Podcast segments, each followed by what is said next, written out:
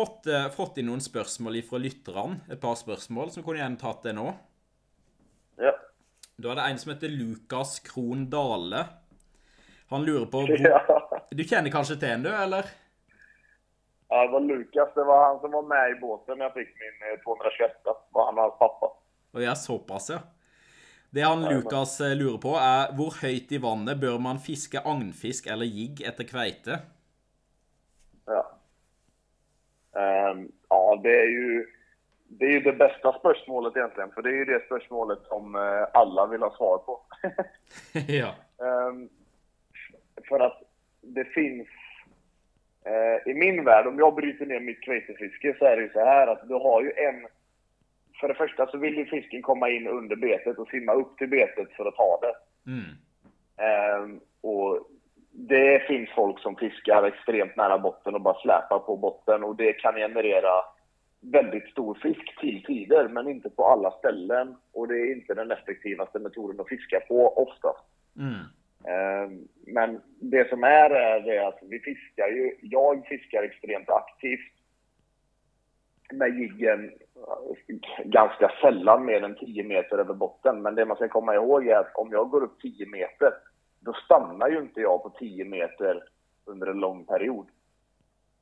Utan oftast så går jag ju bara upp dit och vänder för att sedan antingen börja trappa mig ner mot botten igen eller gå oftast då hela vägen till botten och börja om. Mm. Men den zonen mellan 2 till 5 meter över botten, det är ju oftast den zonen som fiskarna kommer klippa betet i. Mm. Så trixet är ju liksom att spendera så mycket tid som möjligt eh, i zonen du tror att fisken faktiskt kommer ta ditt bete. Och det är ju lite varierande från dag till dag ibland. Men om man fiskar aktivt och sedan då placerar betet i den här zonen 2-5 meter över botten så många gånger som möjligt Mm. under en dag Mm. så kommer ju det oftast generera flest hugg. Eh, Men det- som sagt, det är ju väldigt stor skillnad på om du fiskar efter en monsterkveita eller om du fiskar efter att ha så bra action som möjligt. Mm.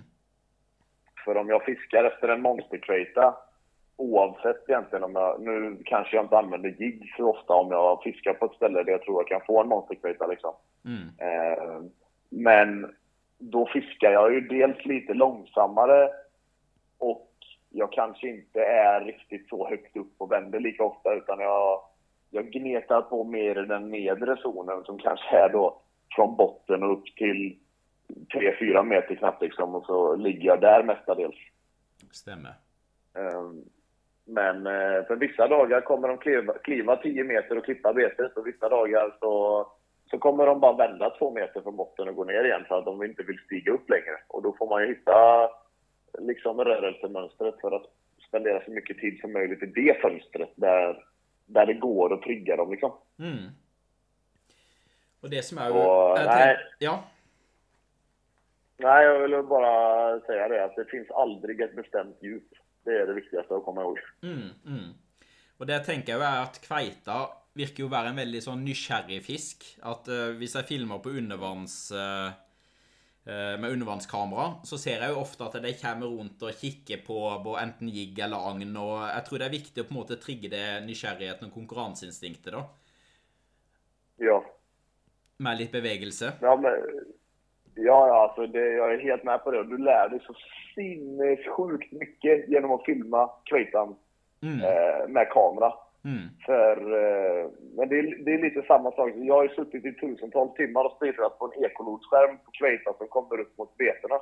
mm, Eh, så jag har ju lärt mig vad det är som funkar och vad som, vad som triggar dem till att hugga Mm. ofta. mm, Eh, och eh, det finns ju så många olika sätt. Alltså det här är, man ska ju komma ihåg det. Det är en fisk som äter precis allt. mm. Den har inga naturliga fiender och den kan bli precis hur stor som helst. Den, den är inte rädd för någonting. Nei. Nei, han er ikke noe eh, Men- å være redd for. Ja. Men den är ju också extremt, som du sa, nykärrig. Mm, Så liksom, du, det finns ju liksom aldrig några rimliga fel man kan göra. Men det, det jag själv tycker är ju det att om du, om du hela tiden tänker i ditt huvud. Låt oss säga att du fiskar så att du inte har kontroll över ditt ekolod så att du kan se dina beten under båten beroende på driften och liknande. Mm. Eh, så tycker jag väl själv att det hjälper att hela tiden tänka att det är en kveita som kollar på mitt bete någonstans ifrån. Och den kveitan ska jag försöka locka fram till mitt bete. Och det gör jag ju inte genom att ligga två meter över botten och bara ligga och rycka i spöet. Liksom. Mm, mm. Det är ju för att de, de gästerna som får mycket kveita på att bara ligga två meter över botten och smårycka lite grann de får ju oftast mycket fisk för att kanske deras kompisar runt omkring fiskar sjukt aktivt och drar in fisk till båten. Mm. Men sen så vill de inte ta de giggarna för att de fiskar alldeles för aktivt och de, de stannar aldrig liksom utan de, de kanske spenderar för lite tid i rätt zon men de, de gör ett bra jobb med att gå högt upp och lyfta in fisken liksom, eller dra in fisken under båten. Mm. Och så väljer de att ta den som är minst aktiv. ja, ja. Så då... Ja. Man, har, man ett, har man ett bra samarbete liksom med hur man fiskar och sånt så lär man ju sig också mycket. Mm, stämmer. Uh, og så går det litt på det samme òg, da. Det er andre spørsmål. Det er en som heter Andreas Svensson. Du kjenner kanskje han òg? Ja, ja. ja. Det han lurer på, er hvordan har ditt kveitefiske utvikla seg siden du starta å fiske mer pelagisk for noen år siden? Ja, det, alltså, det är så roligt det här egentligen för att det här är, eh, det är extremt kul för att det är ett litet internskämt faktiskt. Okej. Okay. ja, eh, men, men det, ligger, det ligger mycket i det. Alltså, ja. det är ju det är inte mer än att, han, att han faktiskt gillade att fiska eh, högre upp. Men det var ju det när vi, vi fiskade och jag guidade han liksom så har jag för mig att det startade i form av att det kanske inte hände någonting på väldigt länge och så sa han att Nej, men jag fiskar pelagiskt. Jag fiskar, jag fiskar långt upp i vattnet. Ja. Um, och så fick jag väl fisk på det liksom. Och sen blev det ju det att han sa till mig att eh, Dogge, du måste fiska mer pelagiskt då. um, och eh, nej, men jag tycker att vissa, vissa gånger så, och på vissa, vissa områden så tycker jag att det funkar extremt bra att fiska, som han säger, pelagiskt, men egentligen bara högre upp från botten. Mm. Och det är faktiskt eh, samma sak som att många tycker och många säger att eh, de största klippen får du nära botten. Mm. Lika mycket som jag har liksom kommit underfund med den tanken, så har jag kommit underfund med tanken att de största kvejtarna, de går högt upp och klipper grejerna. Och det har vi sett så många gånger. Mm. Alltså det är så ofta, jag har flera stycken som är runt två meter, även över två meter, som har, som har klivit de kliver ju 10 meter upp från botten och klipper, pang! Mm. Liksom inget snack då. Och då eh, utan att man har vevat upp från botten. Jag har ju som fisk själv som där mitt bete har legat 10 meter över botten över en djuphåla liksom. Och så har den kommit helt oprovocerat och gått 10 meter från botten upp till betet för att klippa den. Mm. Så att det finns så extremt många olika parametrar att tänka på så att man eh, det är väldigt, väldigt svårt att generalisera det för att jag gillar att prova att fiska högst upp med mina stora betesfiskar ibland. Men det är väl nästa grej att mm. om jag fiskar 8-10 meter över botten så tycker ju inte jag att det är hett om jag ligger med en betesfisk som är knappt ett halvt kilo liksom, eller mindre än ett halvt kilo. Då vill jag, vill jag ju gärna att den är 2-3 kilo liksom så att den syns ordentligt. Mm. Mm. Det känns ju otroligt mycket hetare liksom. Mm. Og så er det jo Du som guide så ser du jo veldig på ekkoloddet, da. Hvis det er andre fisker, at det kommer opp en stor fisk. Så jeg, jeg, vet ikke, husker du Nå er det jo noen år siden eh, jeg fiska med deg, da. Men husker du den der store vi så på ekkoloddet som plutselig forsvant? Oh, ja, jeg har kollat på den så mange ganger. det var en tjukk For det Jeg kan jo fortelle litt, da. For da var det vel eh, Vi var en fire-fem i guidebåten som fiska, og så var det jo en ny plass. Ja. Og så hadde, hadde, jeg Jeg hadde filma med um, Spydro, sånn undervannskamera, og så hadde det gått tom for batteri.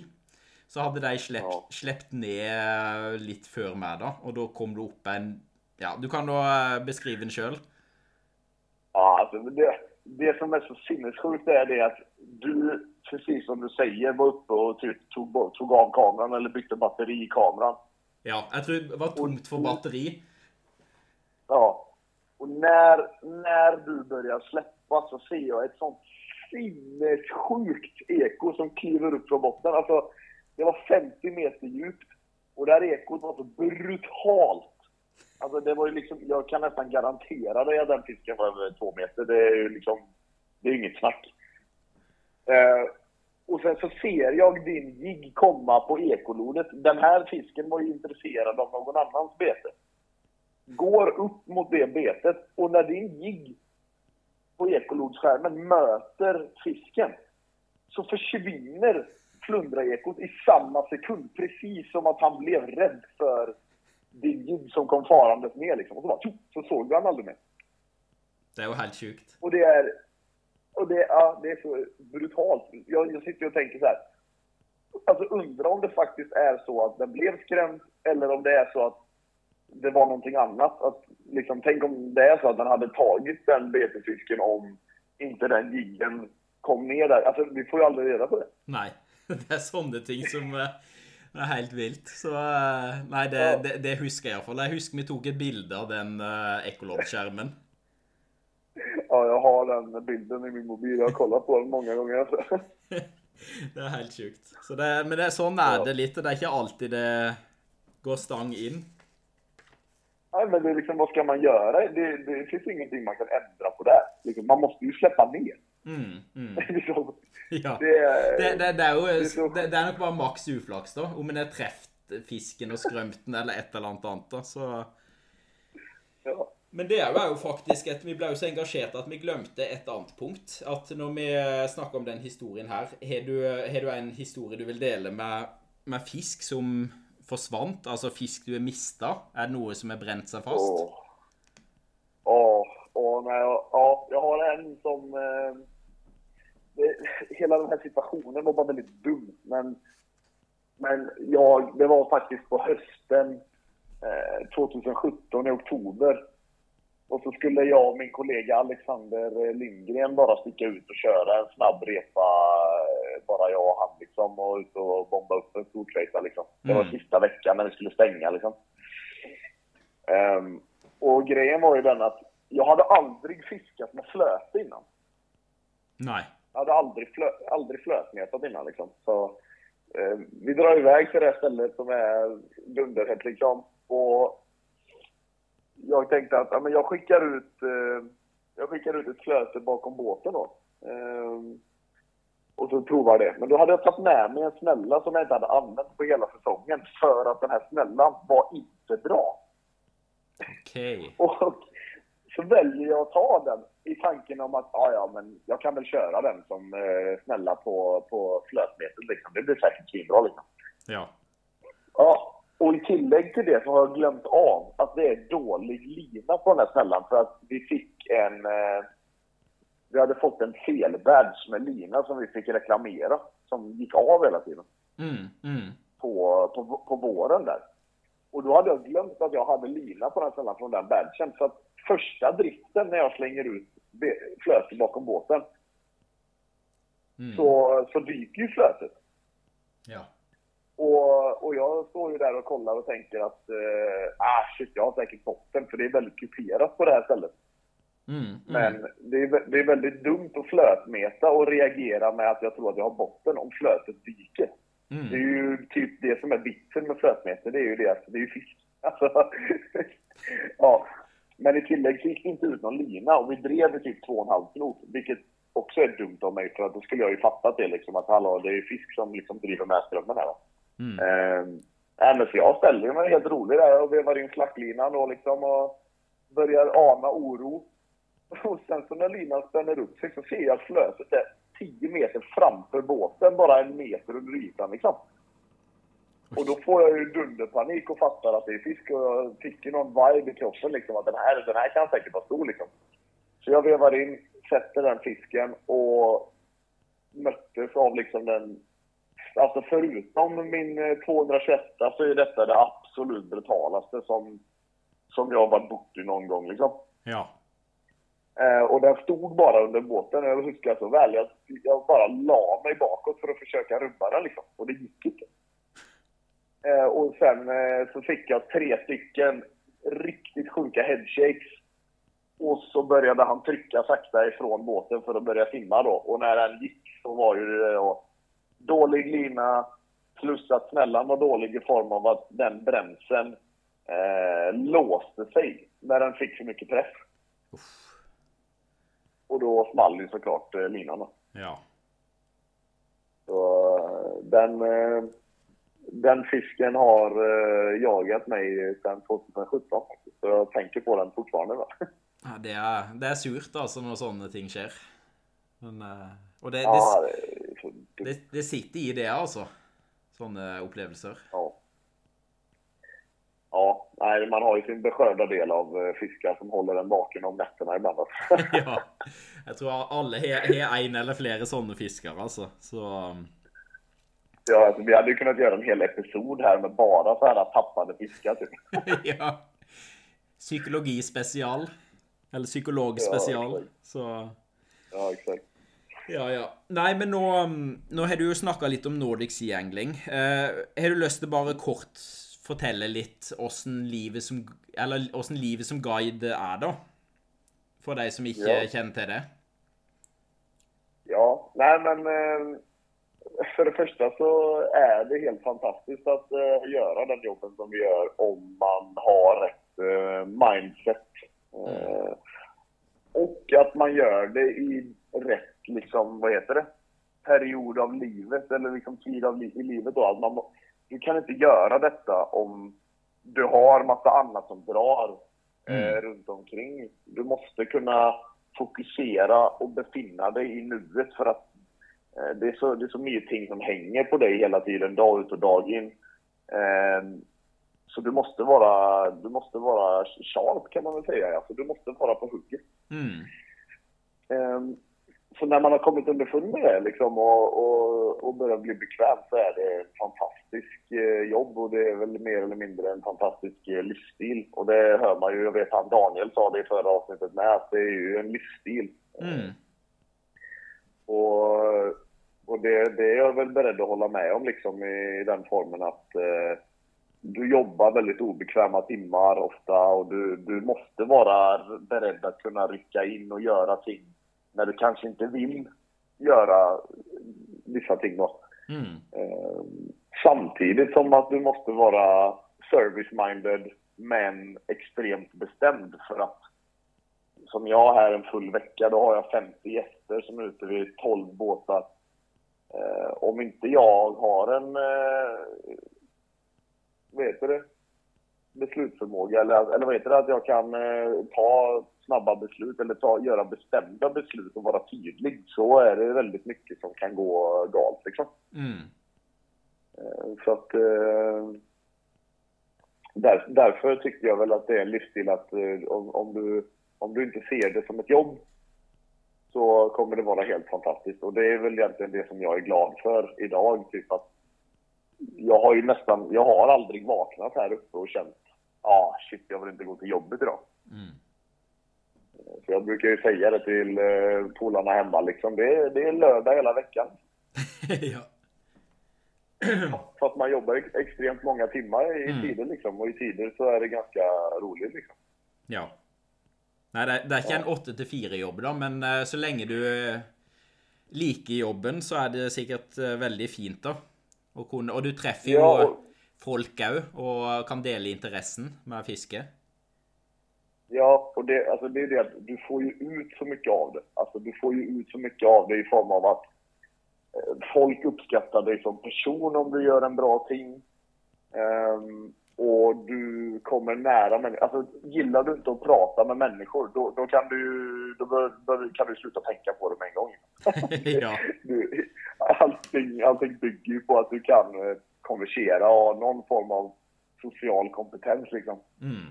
Eh, för själva guidandet är ju en extremt eh, liten del av, av jobbet. Mm. Måste jag väl ändå säga. För vi, vi har ju, jobbet är ju inne på land, på kampen. Och det är ju...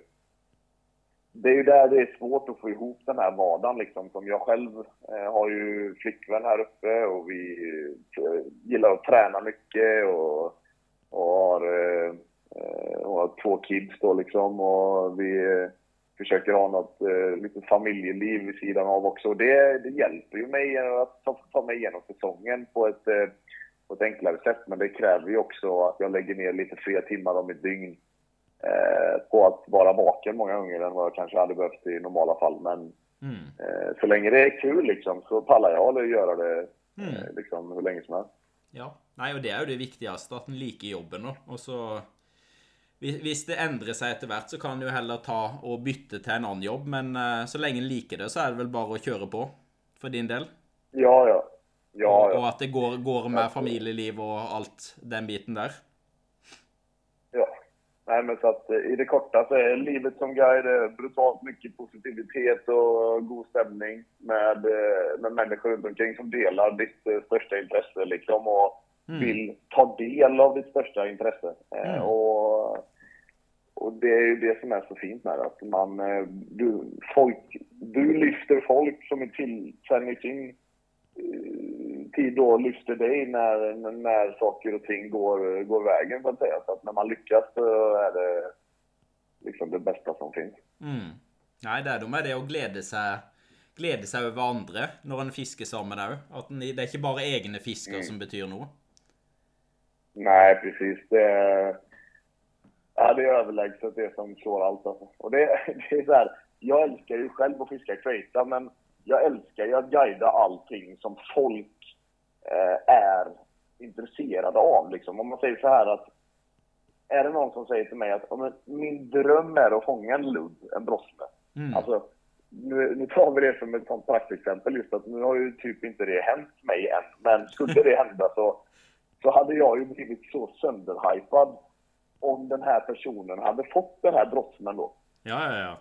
Så liksom, jag brinner ju lika mycket för guidandet som jag brinner för att vi ska kveita. Det är ju det mm. som är själva, själva vitsen med det för mm. mig. Är att jag älskar eh, guideyrket i mm. grund och botten. Att ta med folk ut på havet och förgylla, eller liksom, ja, förgylla deras eh, närvaro, eller man säger så, att de ska få eh, uppnå sina drömmar. Mm, mm. Ja, og da tror jeg du blir en god guide òg, hvis du på en måte har den der eh, interessen og gleden for, for å fiske, da, og for å guide og for å dele med eh, interessen med andre, så blir du en god guide av det òg. Ja, alltså, skulle någon fundera på att vilja bli guide och göra det här så är det så här. Det sista du ska fundera på, det är om du är god nog till att fiska. För du behöver knappt kunna fiska för att kunna börja guida. Mm. Utan det lär man sig sen. Alltså, mm. Det som är grejen är ju den att du ska ju lära dig att vara en bra guide. Och sen så kommer du lära dig att fiska bra. Mm. Så det är ganska svårt att öva på att fiska kveita för många om man säger så. Ja, ja, ja. ja.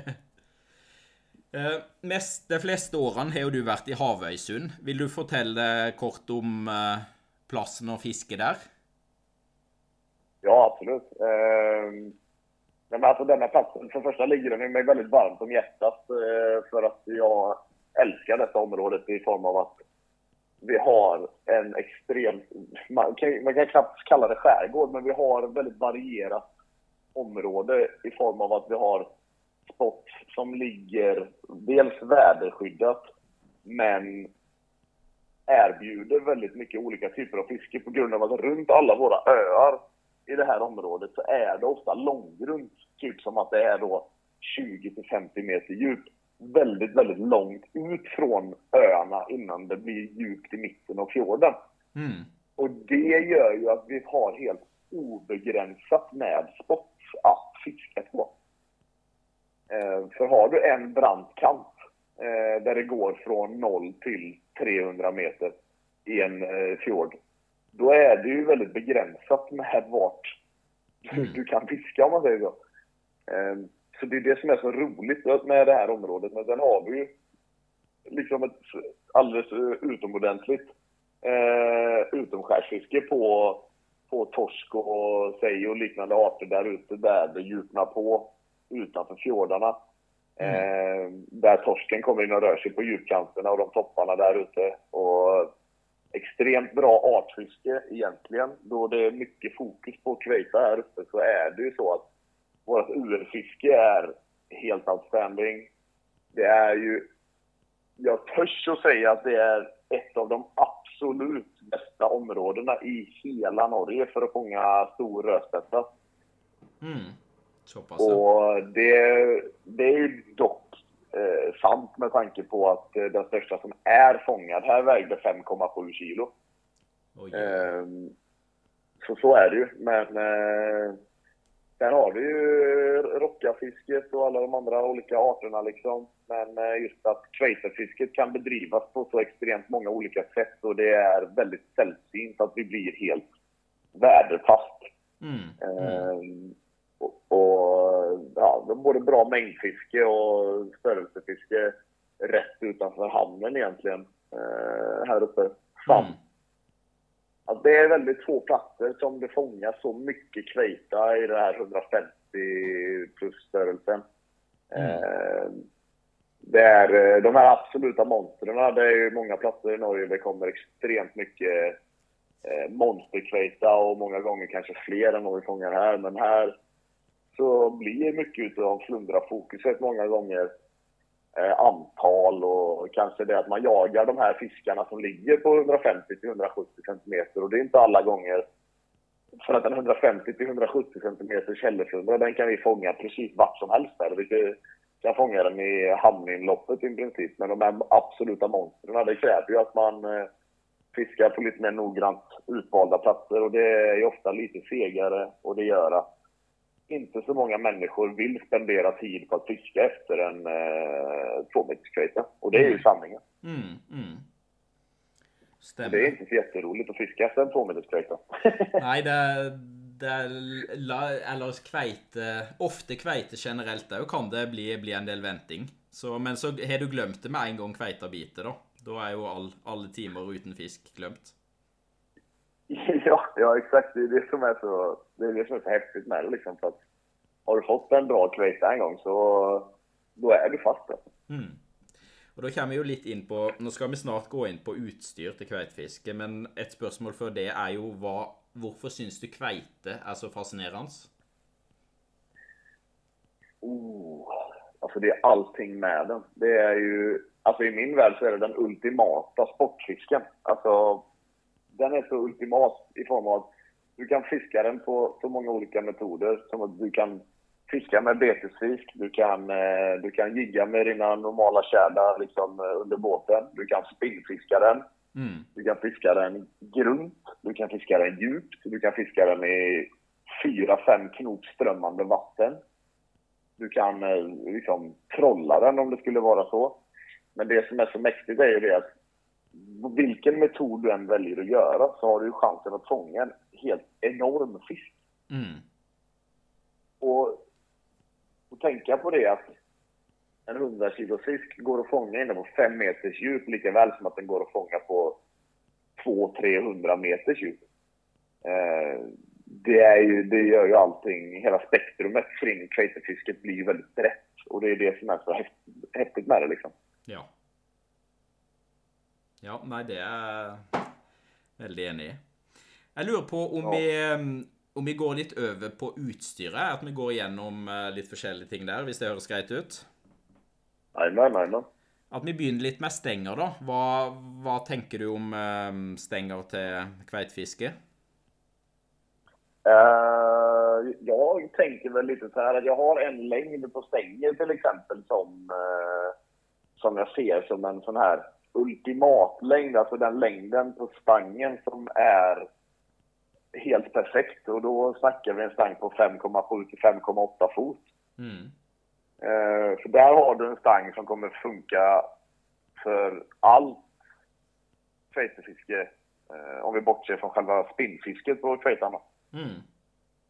Eh, För att, eh, utan att gå in på liksom någon specifik stang, så är det så att om du har en stang som börjar närma sig sju fot och liknande, så kommer du få en stang som är alldeles för tung att drilla och köra fisk på. Mm. Eh, För att en lång stang genererar ju att alltså, tyngden av fisken kommer ju komma alldeles för långt ut ifrån kroppen på dig. Mm. Eh, Och har du en stang på 5,7-5,8, även om den är stiv, så kommer du få vikten på fisken relativt nära kroppen. Men eh, du vill gärna ha en stang som liksom jobbar eh, djupt.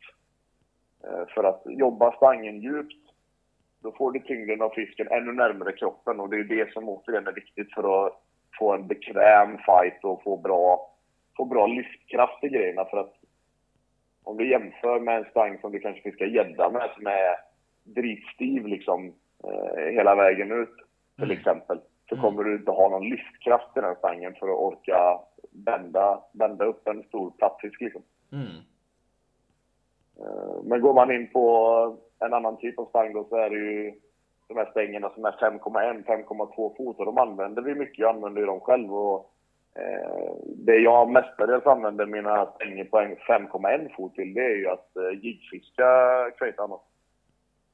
Mm. Mm. Och det är ju egentligen av grund att jag får extremt mycket rappare, hårdare mothugg Ja. eh, när jag krokar, krokar fisken. Och det är ju väldigt viktigt för du kan inte ha, du kan liksom inte ha ett djupt eller ett förlåtande, väldigt mjukt spö eller mjuk i toppen eh, när, du, när du jiggar för att få perfekta stenhårda mothugg som många gånger är extremt viktigt när du fiskar med stora gummijiggar. Mm. Ehm, sen är det så att det går att, det går att kroka en kveita med, med mjukare stänger många gånger också, men du kommer ju missa många fler utav dem i, i mothugget. Liksom. Så jag gillar att köra lite påkigare, eh, korta spann för Mm. jiggingen.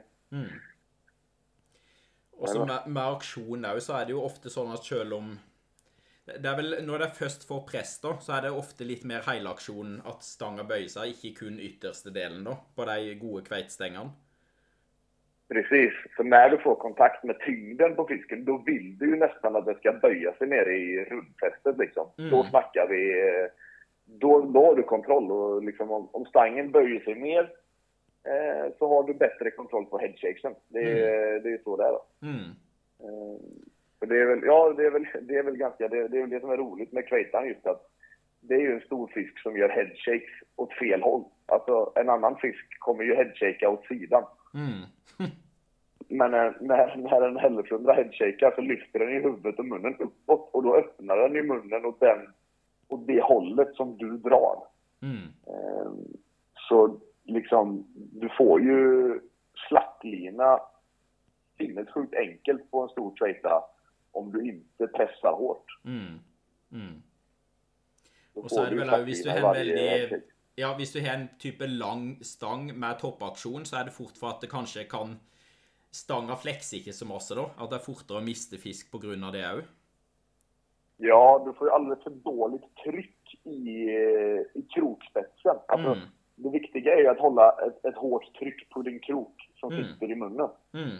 Eh, Och det, och det gör du inte med en lång stang, för du kommer aldrig... Du har, det spelar ingen roll hur vältränad du är, du har inte muskler till att, eh, till att ha den pressen. För att det enda som kommer hända är att du kommer stå och hajsticka Mm. under hela fighten. Mm. Ehm, och, och då kommer du bara böja den övre delen av stangen som inte har så mycket tryck i sig. Och då, då tappar du fisken i headshaken. Mm. Eh, Har du noe preferanse på ringer, enten spiral eller vanlig? Ja, det, jo, det är ganska kul att snacka lite spiral faktiskt. För det är ju, det är ju någonting som är en helt sinnessjukt stor fördel. Eh, som kanske inte verkar som en stor fördel för att det är aldrig någon som har fiskat på spiral förr. Så att det är inget måste. Mm. Eh, Men, men det som är själva grejen med spiral är att dels så får du en oerhört bra balans i spöet av, eh, med smällan. Mm. Eh, när, när du har mycket tryck i, i klingan. För att eh, istället för att din lina trycker ner stangen så drar linan ner stangen eh, eftersom att linan kommer på undersidan så som på en haspelstang. Mm. Och då, då får du ingen twist i, i kolfibrerna i stangen. Mm. Eh, Så att i alla stänger som har ringarna på översidan eh, som ett normalt spö och när det böjer sig med tryck så kommer du få en vridning i kolfibrerna längst fram i stangen. Mm. Vilket, eh, vilket inte är bra för kolfibrerna. Liksom. Eller liksom så. Det, det är en grej. Eh, du får ju en starkare, starkare stang. Mm. Mm. Eh, och, men balansen är ju, är ju det som är så otroligt eh, bra med det. Att, eh, men det som, är, det som är lite roligt med det är att du kan inte bara, du kan inte bara göra en spiral-stang eh, utan att ha någon tanke med det heller. För att det finns ju spiral-stänger där ute som inte har perfekt balans på grund av att de som har gjort de här spiral-stängerna lägger ju inte andra ringen parerat åt andra hållet. Mm. Mm. Det är ju det som är... Så att då får du ju helt plötsligt, har du spiral där linan vid andra ringen viker direkt ner åt vänster. Då kommer du naturligt få mer tryck på vänstersidan av den stangen. Mm. Och då, eh, blanken kommer fortfarande vara oberörd framme i toppen. Du kommer fortfarande inte få någon vridning i klingan. Men du kommer tappa balansen i snällan. För att du får tryck åt sidan i eh, klingan under hårt tryck då. Så att, Stämmer. eh, genom att då lägga andra ringen på spöet lite, lite åt höger och sen gå till vänster så får du ett eh, centrerat tryck ner i spöet. Då. Ja, ja. Eh, Og du har vel fiska en del med um, Jigstar stänger? Stämmer ikke? Ja, men precis. Mm. Jajamän, så det är, ju, det är ju de stängerna som jag fiskar med.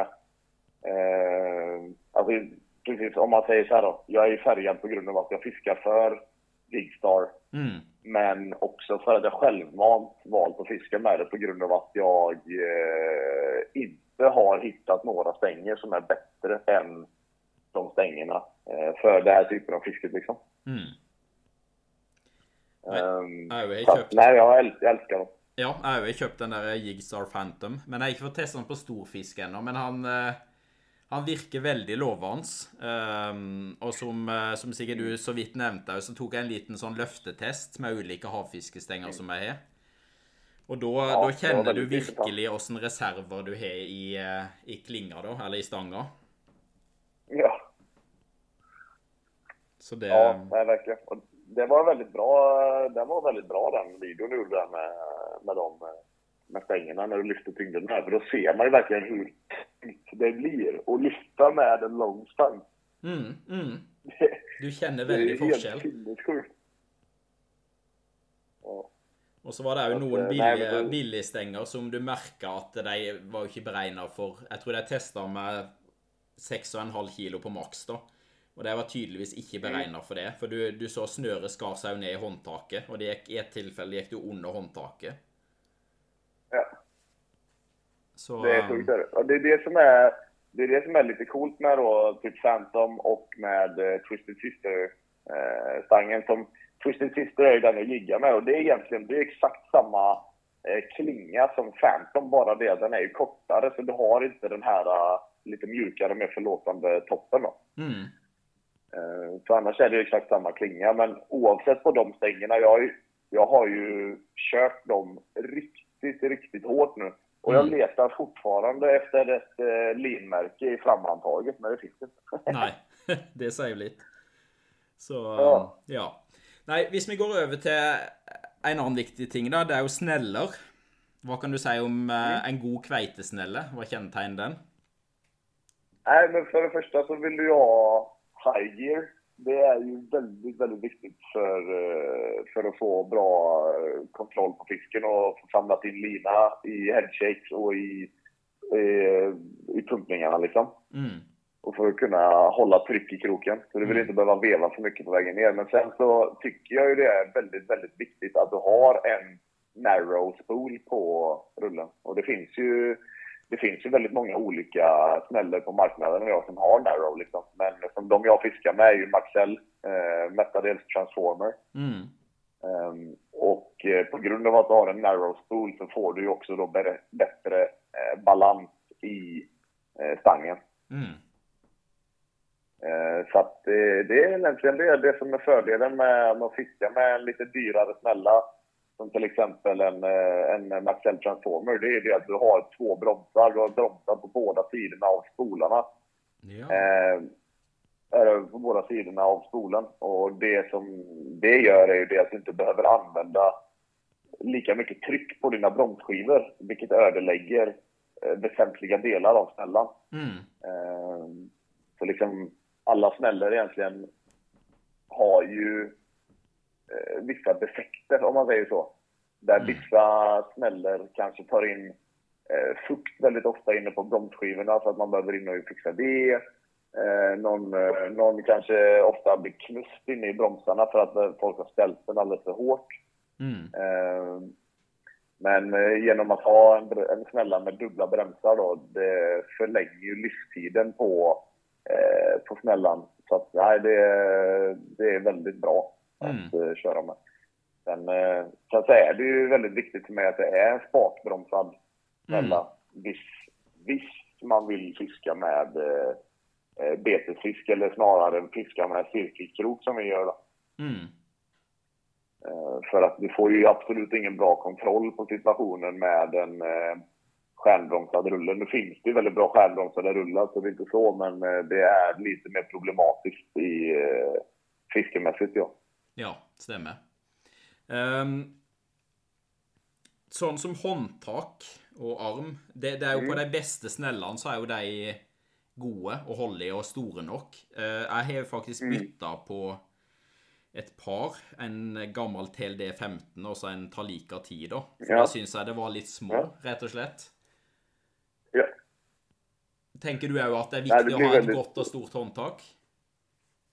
Ja, det blir väldigt jobbigt att fiska med en snälla som har dels kort vevarm. Du vill ha en lång vevarm för att då får du mer kraft. Som Mm. du har räknat ut där som du bytte på några rullar. Då. Mm, mm, Eh, Men, men det som är, jag kör ju de här stora foamhandtagen som då eh, Evo-handtagen på Maxell-rullarna. De kör ju jag när jag eh, fiskar med betesfisk.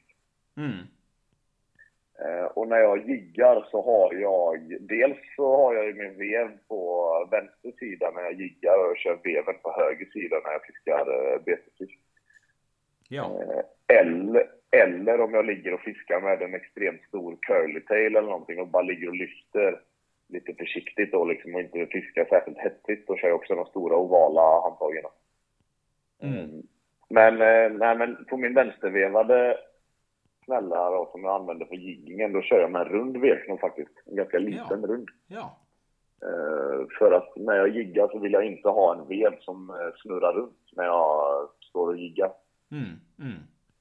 eh, och skapar eh, vibrationer i handen och det blir ett sånt störande moment. För om det smäller på ett hugg snabbt från ingenstans när jag jiggar så vill jag snabbt kunna få rätt grepp i veven och sätta kroken då och veva ner på fisken. Om jag har det stora ovala eh, handtaget så kan det bli ett störande moment som jag ska få tag i den snabbt liksom och veva ner på fisken. Ja, stämmer. Det är intressant Eh, poäng. Ja. Men sen så kör jag även, just anledningen till att jag kör på vänster sida med veven, det är för att jag står ju alltid och håller båten och lägger i back och korrigerar båten och vrider på ratten och såna grejer. Mm. Ehm, och då får jag veven på samma sida. Alltså jag, då kan jag veva med den handen som jag styr båten med. Ehm, och tidigare då om jag har liggat med en högervev så måste jag ju varje gång jag ska veva byta hand som jag håller i stangen med. Stämmer. Ja, så att det momentet har jag korrigerat bort. Och som sagt, jag fiskar ju spinnfiske med, vänster, med vänsterhanden. Så att, att kö, köra fisk med vänsterhanden eller högerhanden, det är absolut skitsamma för, för mig. Mm, mm. Stämmer. Nei, men det var mange gode poeng. Ehm, på snøre, du har vært litt innom det, men eh, da er det jo iallfall multifilament. Det er jo kun det eneste som gjelder. Men åssen tykkelse og antall meter bør du ha på snella og litt sånne ting? Hva, hva tenker du om snøre? ja, ja, ja det, jag, jag gillar ju att har du en snälla som du ska använda för crazyfiske Mm, eh, så bör den vara 041-042. mm, Eh, för att det här är ju en sån punkt som liksom väldigt många inte håller med om till exempel. Men har du en liten snälla som inte rymmer mycket lina, självklart ska du inte köra 042 på den för då får du inte på någon lina. Så att det ena säger ju sig själv. mm, Eh, mina, slå, mina små rullar som en Rage 25 eller en Transformer 30 eh, som jag använder, de använder jag ju på slow pitch stänger och de har ju så mjuk aktion och, eller sån helaktion så att jag kan inte sätta den pressen på fisken med de stängerna så att jag smäller av en 032. mm.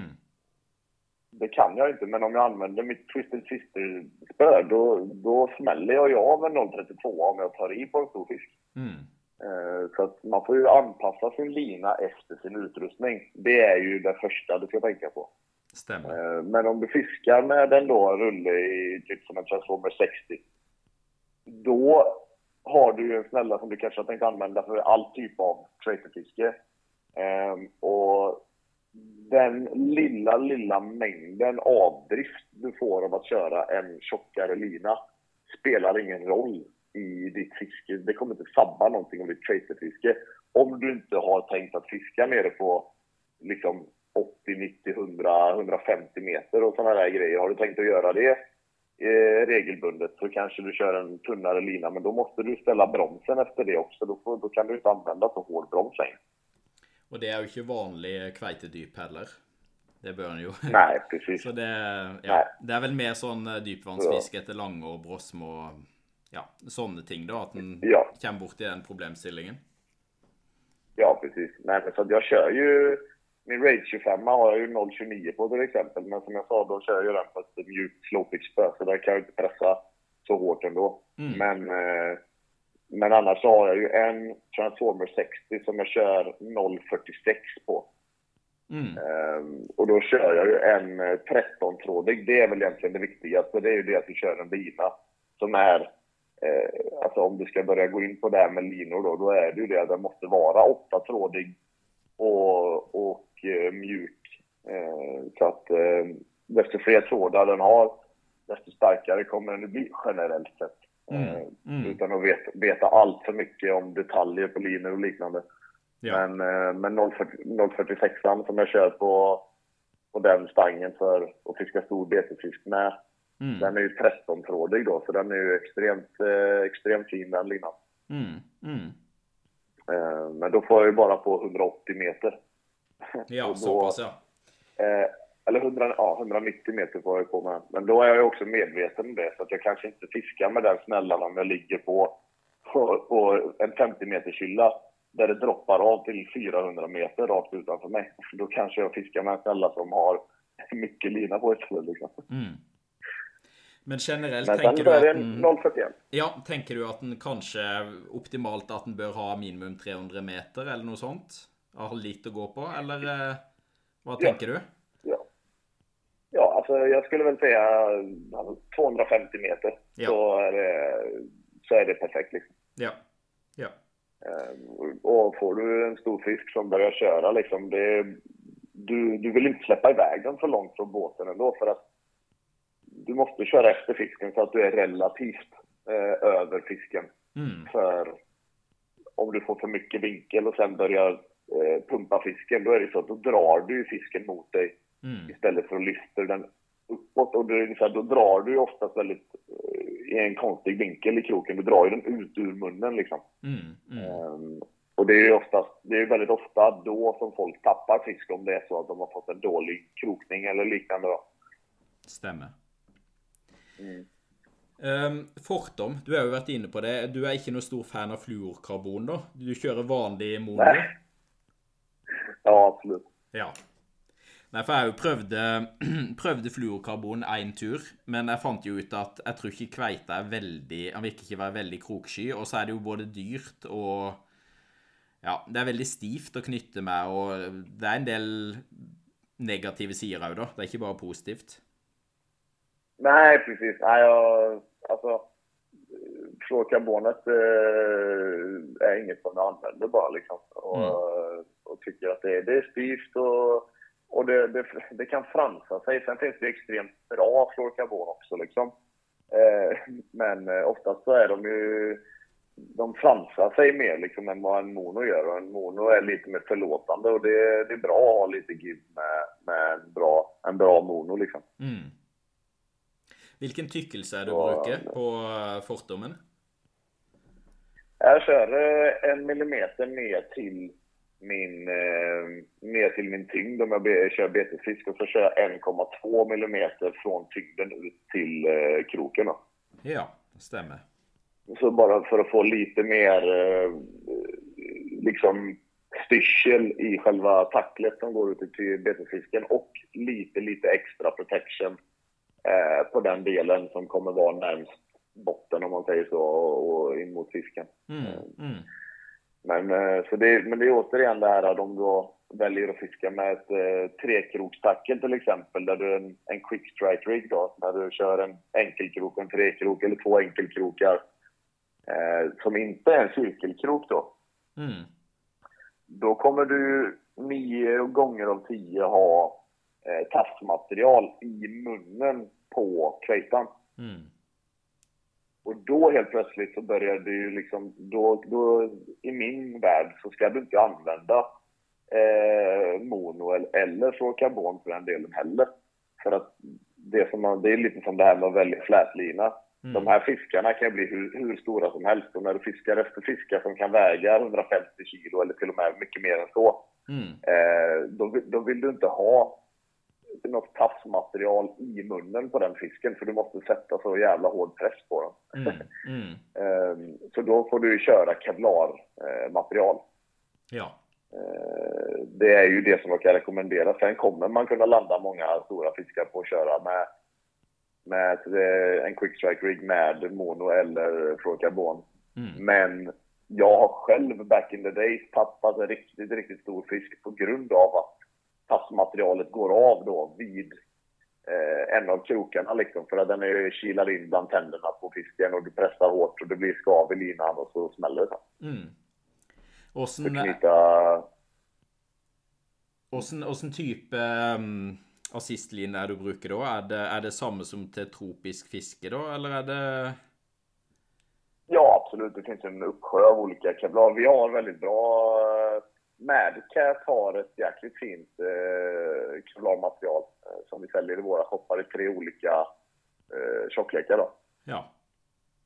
Eh, och kevlarmaterialet det kommer alltid hålla. Det kommer inte ge sig eh, för, på grund av att fisken eh, skaver av det. Liksom. Mm. Mm. Så det är, eh, det är riktigt bra. Men sen, det är det som är bra med cirkelkroken då liksom för att nio gånger av tio så kommer cirkelkroken sitta perfekt i mungipan och du kommer aldrig behöva oroa dig över att eh, tafsmaterialet ligger och skaver mot tänderna under fighten. Nei, det er sant. Det, det, Ja, det er jo en stor fordel. Mm. verkligen. Um, når det gjelder svivler og splitringer, så er det kanskje det viktigste eh, er vel det at en ikke skal ha sånn snappsvivler, som en heter ferskvannsfiske. Du har vel opplevd folk som har mista stor fisk på det, kanskje? Vad hette det sa du med... Nei, jeg mener at ehm, Jeg tipper at hvis, hvis du ser sånn i guidebåten, så bytter du vel tvert. Men at det er jo enkelte som eh, Som fisker i Nord-Norge etter stor fisk med en sånn ehm, En svivel der du på en måte Sånn som bruker ferskvann. At du hekter innpå en krok, og så fester du en hempe. Ja, du menar alltså en, en snaplock liksom? Ja, ja. Snappsvivel heter vel på norsk. Så eh, at en unngår sånne ting, da. At en bruker svivler og splittring istedenfor. Ja, ja, ja. 100 procent. Det är... Eh, eh, ja, det, om, om någon har det på en stang när jag fiskar kveita så byter jag ju det ganska fort. Mm. Eh, men, men för att det, det som man ska tänka på på alla sina... Jag, alltså jag har ju så många gäster och så på en säsong så man får ju se väldigt mycket rara eh, uppsättningar. Ja. Om man säger så. Ehm, och det som man ska tänka på är det att bara ha så lite splittrings och så lite krimskrams som möjligt på sina riggar och på sina tassar och sånt. För att då, dels så förhindrar det eh, trassel och sånt mellan linorna. För att om du trasslar ihop dig med polaren Mm. och du har massa onödiga splittrings och olika typer av eh, skruvar som du skruvar på beten med sånt så, så får du kapa linan liksom. Mm. Mm. Ehm, så att lära sig en bra skarvknut som en Allbright eller en FG-knut mellan, mellan flätlinan och tassen.